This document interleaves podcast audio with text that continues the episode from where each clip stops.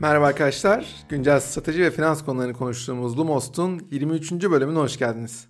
Geçtiğimiz hafta Twitter'da Lumos'u hazırlarken kullandığım kaynakları attığım tweet beklediğimin çok üstünde ilgi gördü. Öncelikle bunun için teşekkür etmek istedim sizlere. Lumos'ta her sezonu 25 bölüm olarak planlıyorum. Sezonu tamamladıktan sonra çeşitli bonus içerikler düzenli olması da geliyor olacak. Bunlardan birinin konusu birinci sezonun değerlendirmesi ve podcast hazırlık sürecim. Ayrıca NBA süreciyle ilgili çok fazla soru alıyorum sizlerden. Bununla ilgili bir bölüm de yapmayı planlıyorum.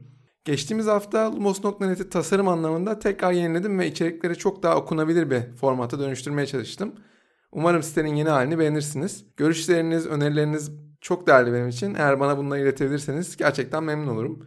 Dikkatimi çeken güncel gelişmeleri minik yorumlarla takip etmek isterseniz sizleri Lumos'un Twitter, LinkedIn ve Instagram hesaplarında bekliyorum. Lumos'a destek olmak isterseniz, evet burası da çok önemli, Ekşi Sözlük ve Apple Podcast üzerinden yorum bırakabilir. Sosyal medya platformlarınızda Lumos'u paylaşabilirsiniz. Lumos'un beraber konuşup fikir paylaşımında bulunabileceğimiz bir Telegram kanalı da var. Kanala katılmak için linkleri Twitter'da, Instagram'da ve bu bölümün açıklama kısmında paylaşıyor olacağım. Bu klasik giriş bölümü sonrası yavaş yavaş bölüme girelim beraber. İki bölüm önce Twitter ile birlikte açtığımız sosyal medya dosyası devam ediyor. Geçtiğimiz hafta neler konuşmuştuk? Facebook'un reklam sektöründe Google ile birlikte sahip olduğu duopoliden bahsetmiştik. Geçmişten bugüne Facebook için önemli olayları anlatmıştık ve Facebook tarihindeki kilit isimlerin üzerinde durmuştuk. Ayrıca Facebook'un o korkutucu büyüklüğüne ve finansallarına bir bakış atmıştık. Bu bölümde planımız nasıl? İlk olarak Facebook'un son dönemde içinde bulunduğu krizi analiz ediyor olacağız beraber. Bunun Facebook için yaratacağı olası problemleri ve şirketin geleceği adına risk oluşturup oluşturmayacağına bakıyor olacağız. İkinci kısımda ise Facebook'un başarısında önemli noktalardan biri olan M&A performansına bakarak stratejisini anlamaya çalışacağız beraber. Son kısımda ise hepinizin beklediği şirketin geleceğiyle ilgili kehanetlerde bulunma vakti. Facebook'un büyük beşli içerisinde açık ara en kırılgan şirket olmasının nedenleri üzerine düşünerek bunun üstesinden nasıl gelebileceği konusunda tahminlerde bulunarak bölümü kapatacağız. Hadi başlayalım.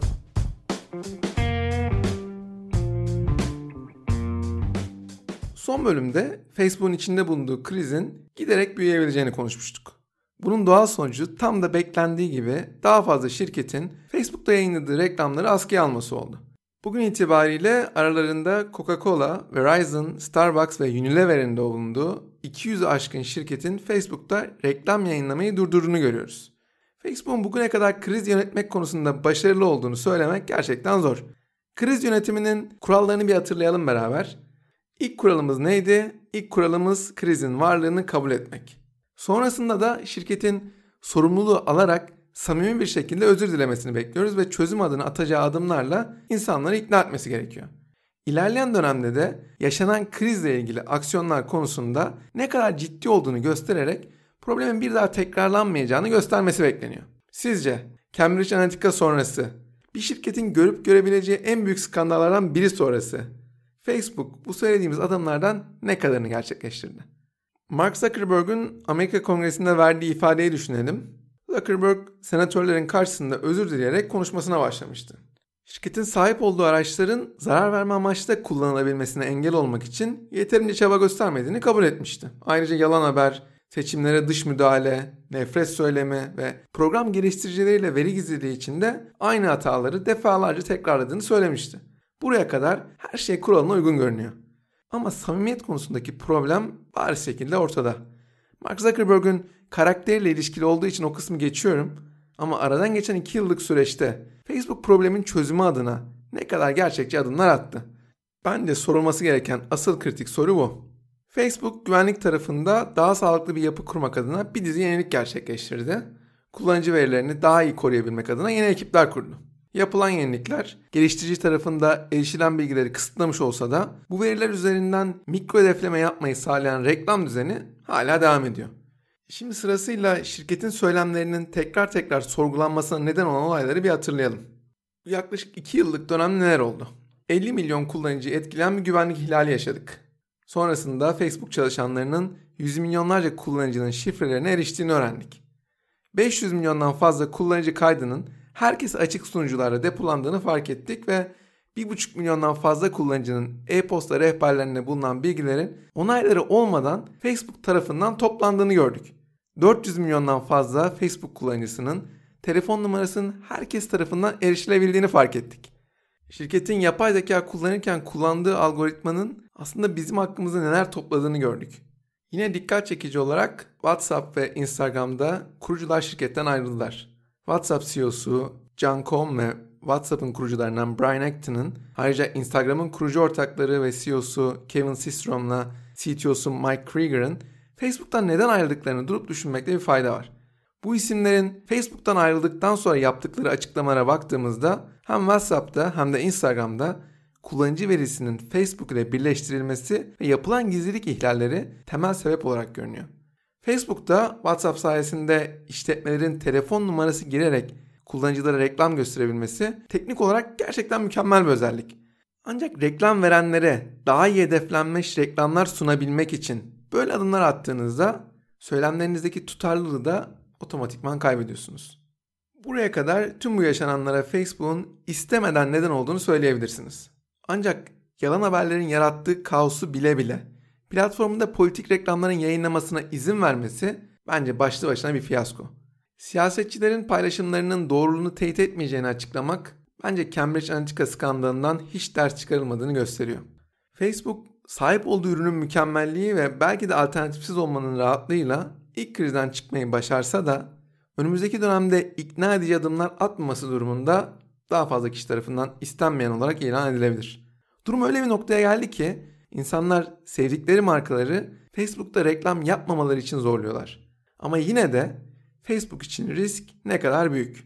Bu kadar büyük şirketlerin reklamlarını kesmesi gerçekten göründüğü kadar korkutucu mu? Soruya farklı bir açıdan yaklaşmaya çalışalım beraber. Televizyon 60 yıl aşkın bir süredir reklamcılık için kullanılan en büyük kitle iletişim aracı ünvanına sahip. Ve dijital reklamlar ne kadar yaygınlaşırsa yaygınlaşsın bu ünvanını sürdürmeye de devam ediyor.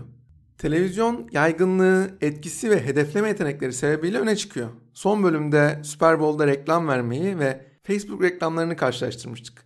Teknik olarak Facebook'ta aynı bütçeyle çok daha fazla kişiye ulaşabilme şansımızın olduğunu söylemiştik. Aklınıza buna rağmen neden hala televizyon reklamları kullanılıyor sorusu takılmış olabilir. Bunun temel sebebi 35 yaşın üstüne ulaşmak için televizyon hala aynı iyi araç. Sadece Türkiye'de değil, dünyanın hemen her yerinde en çok erişim sağlayacağınız mecra hala televizyon. Hedefli reklamlar yapmak adına televizyon uygun olmayabilir ama milyonlarca insana çok kısa bir sürede ulaşmak için televizyondan daha etkili ve daha ucuz bir mecra yok. Olaya bu açıdan bakınca dünyanın en fazla reklam harcaması yapan şirketlerinin televizyonu ilk öncelikli olarak kullanması bence şaşırtıcı değil. Kimler bunlar? Telekom operatörleri, otomotiv şirketleri, kredi kartı şirketleri, FMCG'ler, perakende şirketleri hala televizyon reklamlarını çok sık kullanıyorlar. Amerika'da en çok reklam harcaması yapan ilk 200 şirketi düşündüğümüzde bu şirketlerin reklam bütçelerinin %80'den fazlasının televizyon olduğunu görüyoruz. Yani televizyonda pasta büyük olsa da burada görece az şirket aktif. Facebook açısından bakalım. Facebook'ta en fazla reklam harcaması yapan 100 şirket, şirketin toplam reklam gelirlerinin sadece %6'sını oluşturuyor. Yani reklam veren tabanı çok daha çeşitli ve genele yayılmış durumda. Facebook'un toplam reklam gelirleri 8 milyondan fazla şirketten geliyor. Pek çok reklam veren için reklam adına seçenekler çok sınırlı. Facebook belirli bir grup insana televizyon reklamının maliyetinin çok altında ulaşma şansı tanıyor.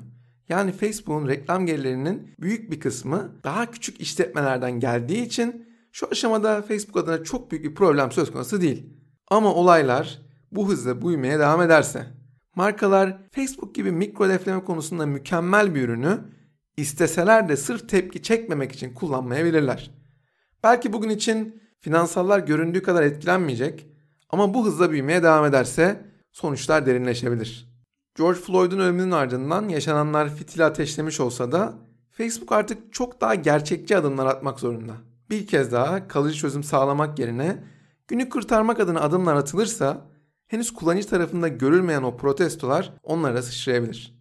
Muhtemelen herkesin fikir olduğu konu Facebook'un büyük beşli içerisinde açık ara en kırılgan şirket olması. Lumos'un 15. bölümünde platform temelli işleri nasıl analiz edebileceğimiz üzerine konuşmuştuk beraber. Hatırlarsanız o bölümde içerik üretenlerin hepsinin aynı değerde olduğunu, New York Times'tan bir makale ya da paylaşılan herhangi bir resmin aynı şekilde ele alındığını söylemiştik. Tedarikçilerin gücüyle ağ etkisinin neden kaynaklı arasındaki ilişkinin şirketlerin yaptığı işteki dominasyonunu belirlediğine değinmiştik. Facebook doğrudan network etkisine sahip ve içerik sağlayıcıların gücü yok denecek kadar az olduğu için değer tamamen kendi içinde oluşuyordu. Bu sayede elde ettiği reklam gelirini kimseyle paylaşmasına da gerek kalmıyordu. Ama burada kilit bir nokta var. Facebook ne olursa olsun kullanıcıların güvenini kaybetmemeli. Eğer büyük şirketler tarafında yaşadığımız kriz kullanıcı tarafına da bulaşırsa o zaman Facebook için daha fazla endişelenme zamanı gelmiş demektir. Peki Facebook kalıcı çözümü nasıl sağlayabilir? Cambridge Analytica skandalı yaşandığından beri Facebook'un bir siber güvenlik şirketi alması bekleniyor ama henüz bu adım atabilmiş değil. Şimdi gelin ikinci kısımda Facebook'un geçmiş M&A performansından M&A stratejisini anlamaya çalışalım.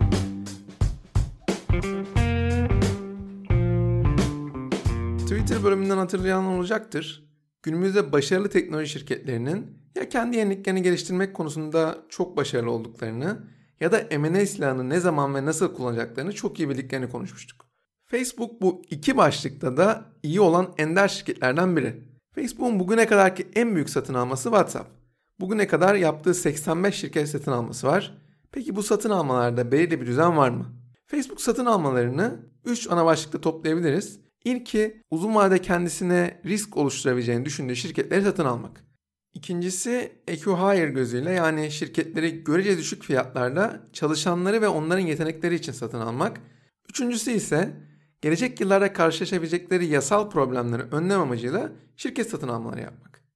İlk olarak Instagram ve WhatsApp gibi Facebook'un uzun vadede kendisine risk oluşturabileceğini düşündüğü şirketleri hızlıca bünyesine katma stratejisiyle başlayalım. Facebook'un uzun vadede kendisini tehdit edebilecek şirketleri belirleyip piyasanın üstünde rakamlar teklif etmesi ve bu şirketlere bağımsızlık sözü vermesi şirket kurucularını ikna etmeyi oldukça kolaylaştırıyor. Facebook bu şekilde reklam işinde ana rakibi olan Google'ın oyuna dahil olmasına hep engel oldu. Hatta Google harici başka oyuncuların da oyuna dahil olamamasında bu strateji çok başarılı bir rol oynadı. Facebook açısından bakınca da şirkete tek bir ürünle değil birden fazla ürünle oyunda kalabilme şansı tanıdı. Instagram satın almasını sadece 1 milyar dolar karşılığında gerçekleştirmesi bugün için bizlere inanılmaz görünüyor. Ama o dönem Instagram'da sadece 13 kişi çalışıyordu. Kullanıcı sayısı 35 milyondu ve satın almadan birkaç hafta önce tamamladığı yatırımcı turunu 500 milyon dolar değerleme üzerinden kapatmıştı. Facebook'un Instagram'ı satın alması bana göre teknoloji tarihinin en başarılı satın alması. Bu taktik başarılı olunca sizce Facebook ne yaptı? Aynı taktiği Snapchat uygulamaya çalıştı. 2013 yılında son yatırım turunu 800 milyon dolar değerleme üzerinden yapan Snapchat'e 3 milyar dolar teklif etti. Ve beklentisi Instagram'da olduğu gibi Snap'i de alabilmekti. Ama Even Spiegel önünde Instagram örneği olduğu için bu teklifi kabul etmedi. Defalarca satın alma denemesi yapmış olmasına rağmen bunda başarılı olamayınca rakibinin ürününde bulunan özellikleri kopyalamak konusunda hiç tereddüt etmedi. Gelecek hafta Snap bölümünde bunu uzun uzun anlatacağım ama Instagram içerisine eklenen ve uygulamayı başka bir seviyeye çıkaran Story özelliği Facebook'un Snap'ten kopyaladığı ilk özellik değil. Facebook'un aynı taktiği kullandığı üçüncü satın alma ise WhatsApp. Satın almadan yaklaşık 6 ay önceki yatırım turunda 1,5 milyar değerlemeye ulaşan WhatsApp'ı 19 milyar dolar karşılığında satın alıyor Facebook. Facebook'un 2014 yılında WhatsApp için ödediği bu rakam çok tartışılsa da bugün 2 milyardan fazla aylık aktif kullanıcısıyla WhatsApp bundan çok daha fazla değerli. Mark Zuckerberg kullanıcı sayısının önemini herkesten önce kavramış bir isim bence. Henüz WhatsApp'tan doğrudan gelir elde etmek konusunda Facebook net bir adım atamamış olsa da şirketin büyümek anlamında elinde hala böyle değerli bir silah olduğunu bazen unutuyoruz. Facebook satın almalarında gördüğümüz ikinci belirgin düzense şirketin acquire stratejisini kullanması. Yani Facebook şirketleri görece düşük fiyatlarla çalışanları ve onların yetenekleri için satın alıyor. Bana göre kendi yeniliklerini geliştirmek konusunda bu kadar başarılı olmasının sebebi de bünyesine satın almalar yardımıyla katılan çalışanların Facebook'ta yarattığı girişimci ruh. Sıfırdan bir şirket kurma sürecinden geçen çalışan sayısının artmasının genel performansa pozitif etkisini gösteren çok başarılı bir örnek bence Facebook. Benim için şaşırtıcı olan ilk satın alması Paraki ile dahi bu yaklaşımı göstermiş olması. Paraki, Firefox tarayıcısının arkasındaki isimlerden olan Blake Ross ve Joe Hewitt tarafından kurulmuş. Facebook Parakee'yi satın alırken ürünle pek de ilgilenmemiş. Burada önemli olan bu iki ismin Facebook bünyesine katılması. Satın alma gerçekleştikten kısa bir süre sonra ne oluyor? Facebook Parakee'yi öldürüyor. İlerleyen dönemde ne oluyor peki? Joe Hewitt, Facebook'un iPhone mobil uygulamasının yaratılmasından sorumlu isim haline geliyor. 2009 yılında gerçekleşen FriendFit satın alması yetenek transferi anlamında mükemmel bir hamle. Bu sayede aralarında Paul Boucher ve Brad Taylor'ın da olduğu 4 eski çok başarılı Google çalışanı Facebook bünyesine katılıyor. İlerleyen yıllarda Divi ve Snap satın almaları da bu doğrultuda yapılan satın almalar. Facebook'un çok kısa sürede ürünler ortaya koymasında Snapto'nun etkisi her zaman hissediliyor. IPO'ya kadar olan dönemde Facebook Acquire odaklı satın alma stratejisini defalarca tekrarlamış. Gayri resmi sloganımız ne? Satın al, ürünü Facebook'a entegre edebiliyorsan entegre et, edemiyorsan öldür ama yetenekleri sonuna kadar koru. Facebook'un satın almalarında gördüğümüz üçüncü düzene geçelim. Gelecek yıllarda karşılaşabilecekleri yasal problemlere önlem almak amaç, patent odaklı şirket satın almaları. Muhtemelen ilk yıllarında Winklevoss kardeşlerle giriştiği mücadele Zuckerberg'ün bu konuda çok daha hassas olmasına sebep oluyor. Friendfit'te, Octazen'de, Devishat'ta, Snap2'da yetenek transferinin yanı sıra sahip oldukları patentler sebebiyle de bu şirketleri satın alıyor. 2010 yılında Friendster patentlerini 40 milyon dolar karşılığında satın alması da bu konudaki hassasiyetini çok net olarak ortaya koyuyor. Şirketin halka arzdan hemen önce Yahoo tarafından patent ihlalleri sebebiyle dava edilmesi de bu yaklaşımın doğruluğunu ispatlıyor bizlere. Peki Facebook bugün elinde kaç adet patent bulunduruyor? Facebook'un 3000'in üzerinde elinde patent bulundurduğunu görüyoruz. Bana göre bu 3 gruba da girmeyen tek satın alması Oculus. Facebook'un 2.3 milyar dolar ödeyerek satın aldığı, kendi tarihinin bugüne kadarki en büyük ikinci satın alması olan sanal gerçeklik şirketi Oculus genel trendden biraz farklılaşıyor. Zuckerberg akıllı telefonlar sonrası dünyanın arttırılmış gerçeklik ve sanal gerçeklik tarafına evrileceğine inanıyor. Şirketin genişleme politikasının bir parçası olarak da farklı iletişim, medya ve eğlence alanlarında aktif rol istenebileceğini düşünerek bu satın almayı yapıyor. Peki bugün için hedefine ulaşabilmiş durumda mı? Bence bugün geldiğimiz noktada bu amaca yaklaşabildiğini söylemek zor.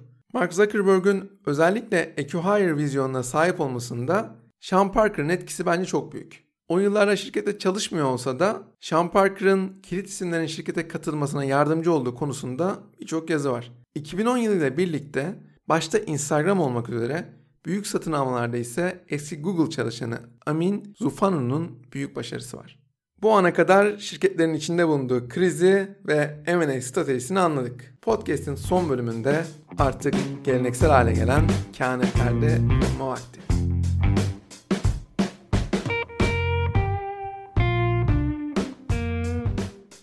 Facebook'un artık sadece bir reklam şirketi kimliğinden çıkması gerekiyor.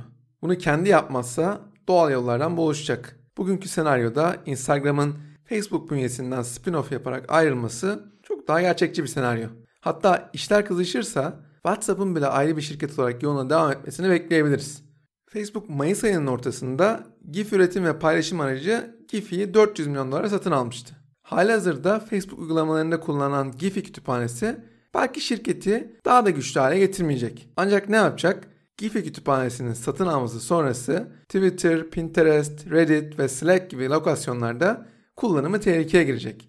Bunlar rekabet otoritelerinin pek seveceği türden satın alma girişimleri değil. Facebook kabul etmek istemese de ana ürünü daha da güçlü hale getirecek satın almalar yapması rekabet açısından artık pek de mümkün görünmüyor. İngiltere'de rekabet otoritesinin Facebook'un Giphy satın almasını derinlemesine incelemeye karar vermesi de söylediğimi destekler nitelikte. Facebook uzun yıllardır kendisine en büyük risk olarak Snapchat'i görüyordu. Ancak her geçen gün sesini daha fazla yükselten bir TikTok gerçeği var. Size garip gelecek ama ben TikTok'un yükselişini Facebook açısından bir şans olarak görenlerdenim. Bu sayede tek başına olmadığını daha sesli dile getirebilir Facebook. Facebook'un TikTok'a rakip olarak ortaya koyduğu Lasso isimli bir ürünü var. Geçmiş zaman olarak konuşuyorum çünkü Facebook bu hafta içinde Lasso'yu sonlandırdığını açıkladı. Hatırlayanlar olacaktır. Facebook Snap'e rakip olacak ürünler ortaya koyduğunda hep başarısız olmuştu. Ne zaman ki halihazırda başarılı olan ürününe Snapchat'in çok başarılı özelliklerini eklemeye başladı. İşte o zaman fark yarattı. Aynı stratejiyi TikTok için de uygulamasını bekliyorum ben. Bir süredir Instagram'da Reels isimli bir özelliği deniyordu. Şirketin bu hamlesinin başarı şansı bence çok daha yüksek. TikTok'ta olduğu gibi müzik içeren 15 saniyelik videolardan oluşuyor Reels özelliği. Önümüzdeki dönemde daha fazla duymaya başlayacağız muhtemelen. Facebook'un geleceğinde önemli bir yer tutabilecek bir başka projesi de Project Libra. Libra küresel bir para birimi ve finansal bir altyapı olarak 2019 yılının ortalarında yola çıkmıştı. Bir kripto para birimi olarak konumlanmıştı Libra. Aralarında Visa, Mastercard, Shopify ve Spotify gibi oyuncuların da bulunduğu bir Libra Association isimli şirketler grubu tarafından yönetiliyordu. Bu kadar önemli şirket projeye dahil olunca kripto paraların regülatörlerin ajandasına girmemesi pek de mümkün değildi. Temel amaç küresel olarak bank hesabı bulunmayan 1.7 milyar kişiye ulaşmaktı ve dolar ve euro gibi stabil bir fiyat politikası hedefleyen bir kripto para yaratmaktı. Ancak Facebook'un son dönemde yaşadıkları projeye olan güvenin iyiden iyiye sarsılmasına yol açtı. Sonrasında da devletlerin politik baskıları geldi ve sert regülasyonlar projede geri adım atılmasına neden oldu. Yapılan son açıklamaya bakacak olursak Libra Derneği artık dünya çapında kullanılan bir stabil coin üretme çabasında değil. Onun yerine insanların yerel para birimine bağlı farklı para türlerini kullanarak ürün ve hizmet alıp satmasını amaçlıyorlar. Hatta Facebook, Libra'nın tamamen kendisine ait bir proje olmadığını anlatabilmek adına kripto para cüzdanı Calibra'nın ismini Novi olarak değiştirdi. Novi'yi Facebook ailesinin herhangi birinde üyeliğiniz olmadan da kullanabilmeniz mümkün olacak. Novi'nin en büyük avantajı hızlı para transferi yöntemi olarak WhatsApp ve Messenger'ı entegre şekilde kullanabilmesi. Facebook şu an WhatsApp üzerinden para transferini Brezilya'da kullanıma açtı. Burada ben güzel bir potansiyel olduğunu düşünüyorum. Uluslararası para transferi her zaman problemli bir alan. Bazı ülkeler için ülke içinde bile transfer sıkıntıları mevcut. Facebook gibi kullanıcı sayısı bakımından dünyanın en güçlü şirketi için çözülebilecek bence süper bir problem. Hızlı, az maliyetli para göndermeye imkan sağlayan bir uygulamanın başarı şansı oldukça yüksek. Facebook'un gelirlerini çeşitlendirebileceği bir başka alternatifi ise e-ticaret tarafı. Çok uzun yıllardır Facebook'un e-ticaret tarafında bir adım atması bekleniyor zaten. Facebook Marketplace ve Instagram'daki Shop Now özellikleriyle daha önce küçük küçük adımlar atmıştı. Bu yıl duyurduğu Facebook Shops artık özellikle Amazon, Shopify, eBay ve Etsy için çok önemli bir rakip konumuna getiriyor Facebook. İşletmeler bu özellik yardımıyla Facebook ve Instagram üzerinden online mağazalar açarak doğrudan kullanıcılarına satış yapabiliyorlar. Şu an bu hizmeti Amerika'da sınırlı sayıda mağaza deneyimlemeye başladı. Kullanıcılar bu mağazalara Facebook sayfaları ya da Instagram profilleri üzerinden ulaşabiliyorlar. Tahmin edebileceğiniz üzere reklamlar ve hikayeler yardımıyla buradaki kullanıcı trafiği arttırılmaya devam edilecek. İşin Facebook için en güzel tarafı burada mağaza açan işletmelerin pazarlama için daha fazla reklam harcaması yapacak olması. Bunun yanında Facebook kullanıcıların satın alma kararlarıyla ilgili çok daha detaylı bilgiye sahip olacak. Artık kullanıcıların satın alma için başka bir platforma gitmesinin de önüne geçirecek. Analizlere baktığımızda Facebook'un satılan ürünlerden alacağı komisyon ve mağazaların reklam için ayıracağı bütçeyi düşünerek yıllık 20-30 milyar dolar arası bir gelir elde etmesi olası görünüyor. Facebook'un gelirlerini arttırmak konusunda artık yeni bir oyun alanına sahip olduğunu çok rahat söyleyebiliriz. Facebook'ta bugün 140 milyon işletme olmasına rağmen bunların sadece 8 milyonunun Facebook'a reklam veriyor olması bile yeni özelliğin potansiyelinin ne kadar yüksek olduğunu gösteriyor bizlere. Son olarak Facebook'un yaşanan problemler sonrası imaj problemini çözmesi artık bir zorunluluk haline gelmiş durumda. Cambridge Analytica skandalı yaşandığından beri Facebook'un bir siber güvenlik şirketi alması konuşuluyor. Ben burada Facebook'tan iki adım bekliyorum. İlki şüpheli ağ etkinliklerini daha iyi izlemek ve veri ihlallerini erken durdurmak adına Facebook'un bir davranışsal analitik şirketi satın alması. Facebook'un siber güvenlik tarafında daha çok reaktif ve yavaş olduğu izlenimi var insanlarda. Bu bu tarz bir satın almayla çözülebilir gibi. Problemlerin kriz haline gelmeden çözümü bu sayede de mümkün olur. Londra merkezli gelişmiş matematik modelleri kullanan Darktrace isimli bir davranışsal analitik şirketi var. Bu noktada bence süper bir alternatif. Son yatırımını 2018 yılında 1.65 milyar dolar değerleme üzerinden almıştı Darktrace. Bugünkü değeri tahminim 3 milyar dolar civarında. Facebook'un bağışıklık sistemini iyileştirecek böyle bir satın almaya bence kesinlikle ihtiyacı var. Facebook'tan beklediğim ikinci adımsa dezenformasyon ve propaganda ile mücadele etmek için de bir şirket satın alması yapması. Yalan haberler Facebook'un belki de kullanıcı tarafında en çok eleştirilen problemi. Bu noktada New Knowledge ya da AI Foundation gibi hem sahip oldukları deneyimle hem de teknolojileriyle ön plana çıkan şirketler var. New Knowledge ne yapıyor? New Knowledge sahte hesapları, sahte haberleri ve propaganda kampanyalarını belirleyerek markaları sosyal medya problemlerinden korumak için bir sistem geliştirmiş durumda. AI Foundation ne yapıyor? AI Foundation'da makine öğrenmesiyle insan moderasyonunu birleştirerek kötü amaç içerikleri tespit ediyor. İki şirkette görecek küçük şirketler olduğu için yüksek bedeller ödemeden satın alınabilir gibi. Yine bu satın almada Facebook'un problemi çok daha fazla ciddiye aldığı konusunda ikna edici olacaktır. Evet, yavaş yavaş podcast'in sonuna geliyoruz. İki bölümlük Facebook serisi artık sonlanıyor. Sonuç olarak Facebook'un yaşanan problemler sonrası imaj problemini çözmesi artık bir zorunluluk haline gelmiş durumda. Facebook kalıcı çözüm sağlamak yerine günü kurtarmak adına adım atmayı aklından bile geçirmemeli bence. Henüz kullanıcı tarafında görülmeyen protestolar onlara da sıçrarsa ve kullanıcıların güvenini daha fazla kaybederse hiç beklemediği bir şokla karşılaşabilir. Facebook gelirlerini çeşitlendirmek adına daha net adımlar atarak üzerindeki kırılganlıktan kurtulmak zorunda. Önümüzdeki dönemde Facebook'un gösterişli büyüklüğünü ve kriz yönetimini yakından izlemeye devam edeceğiz. Haftaya görüşmek üzere.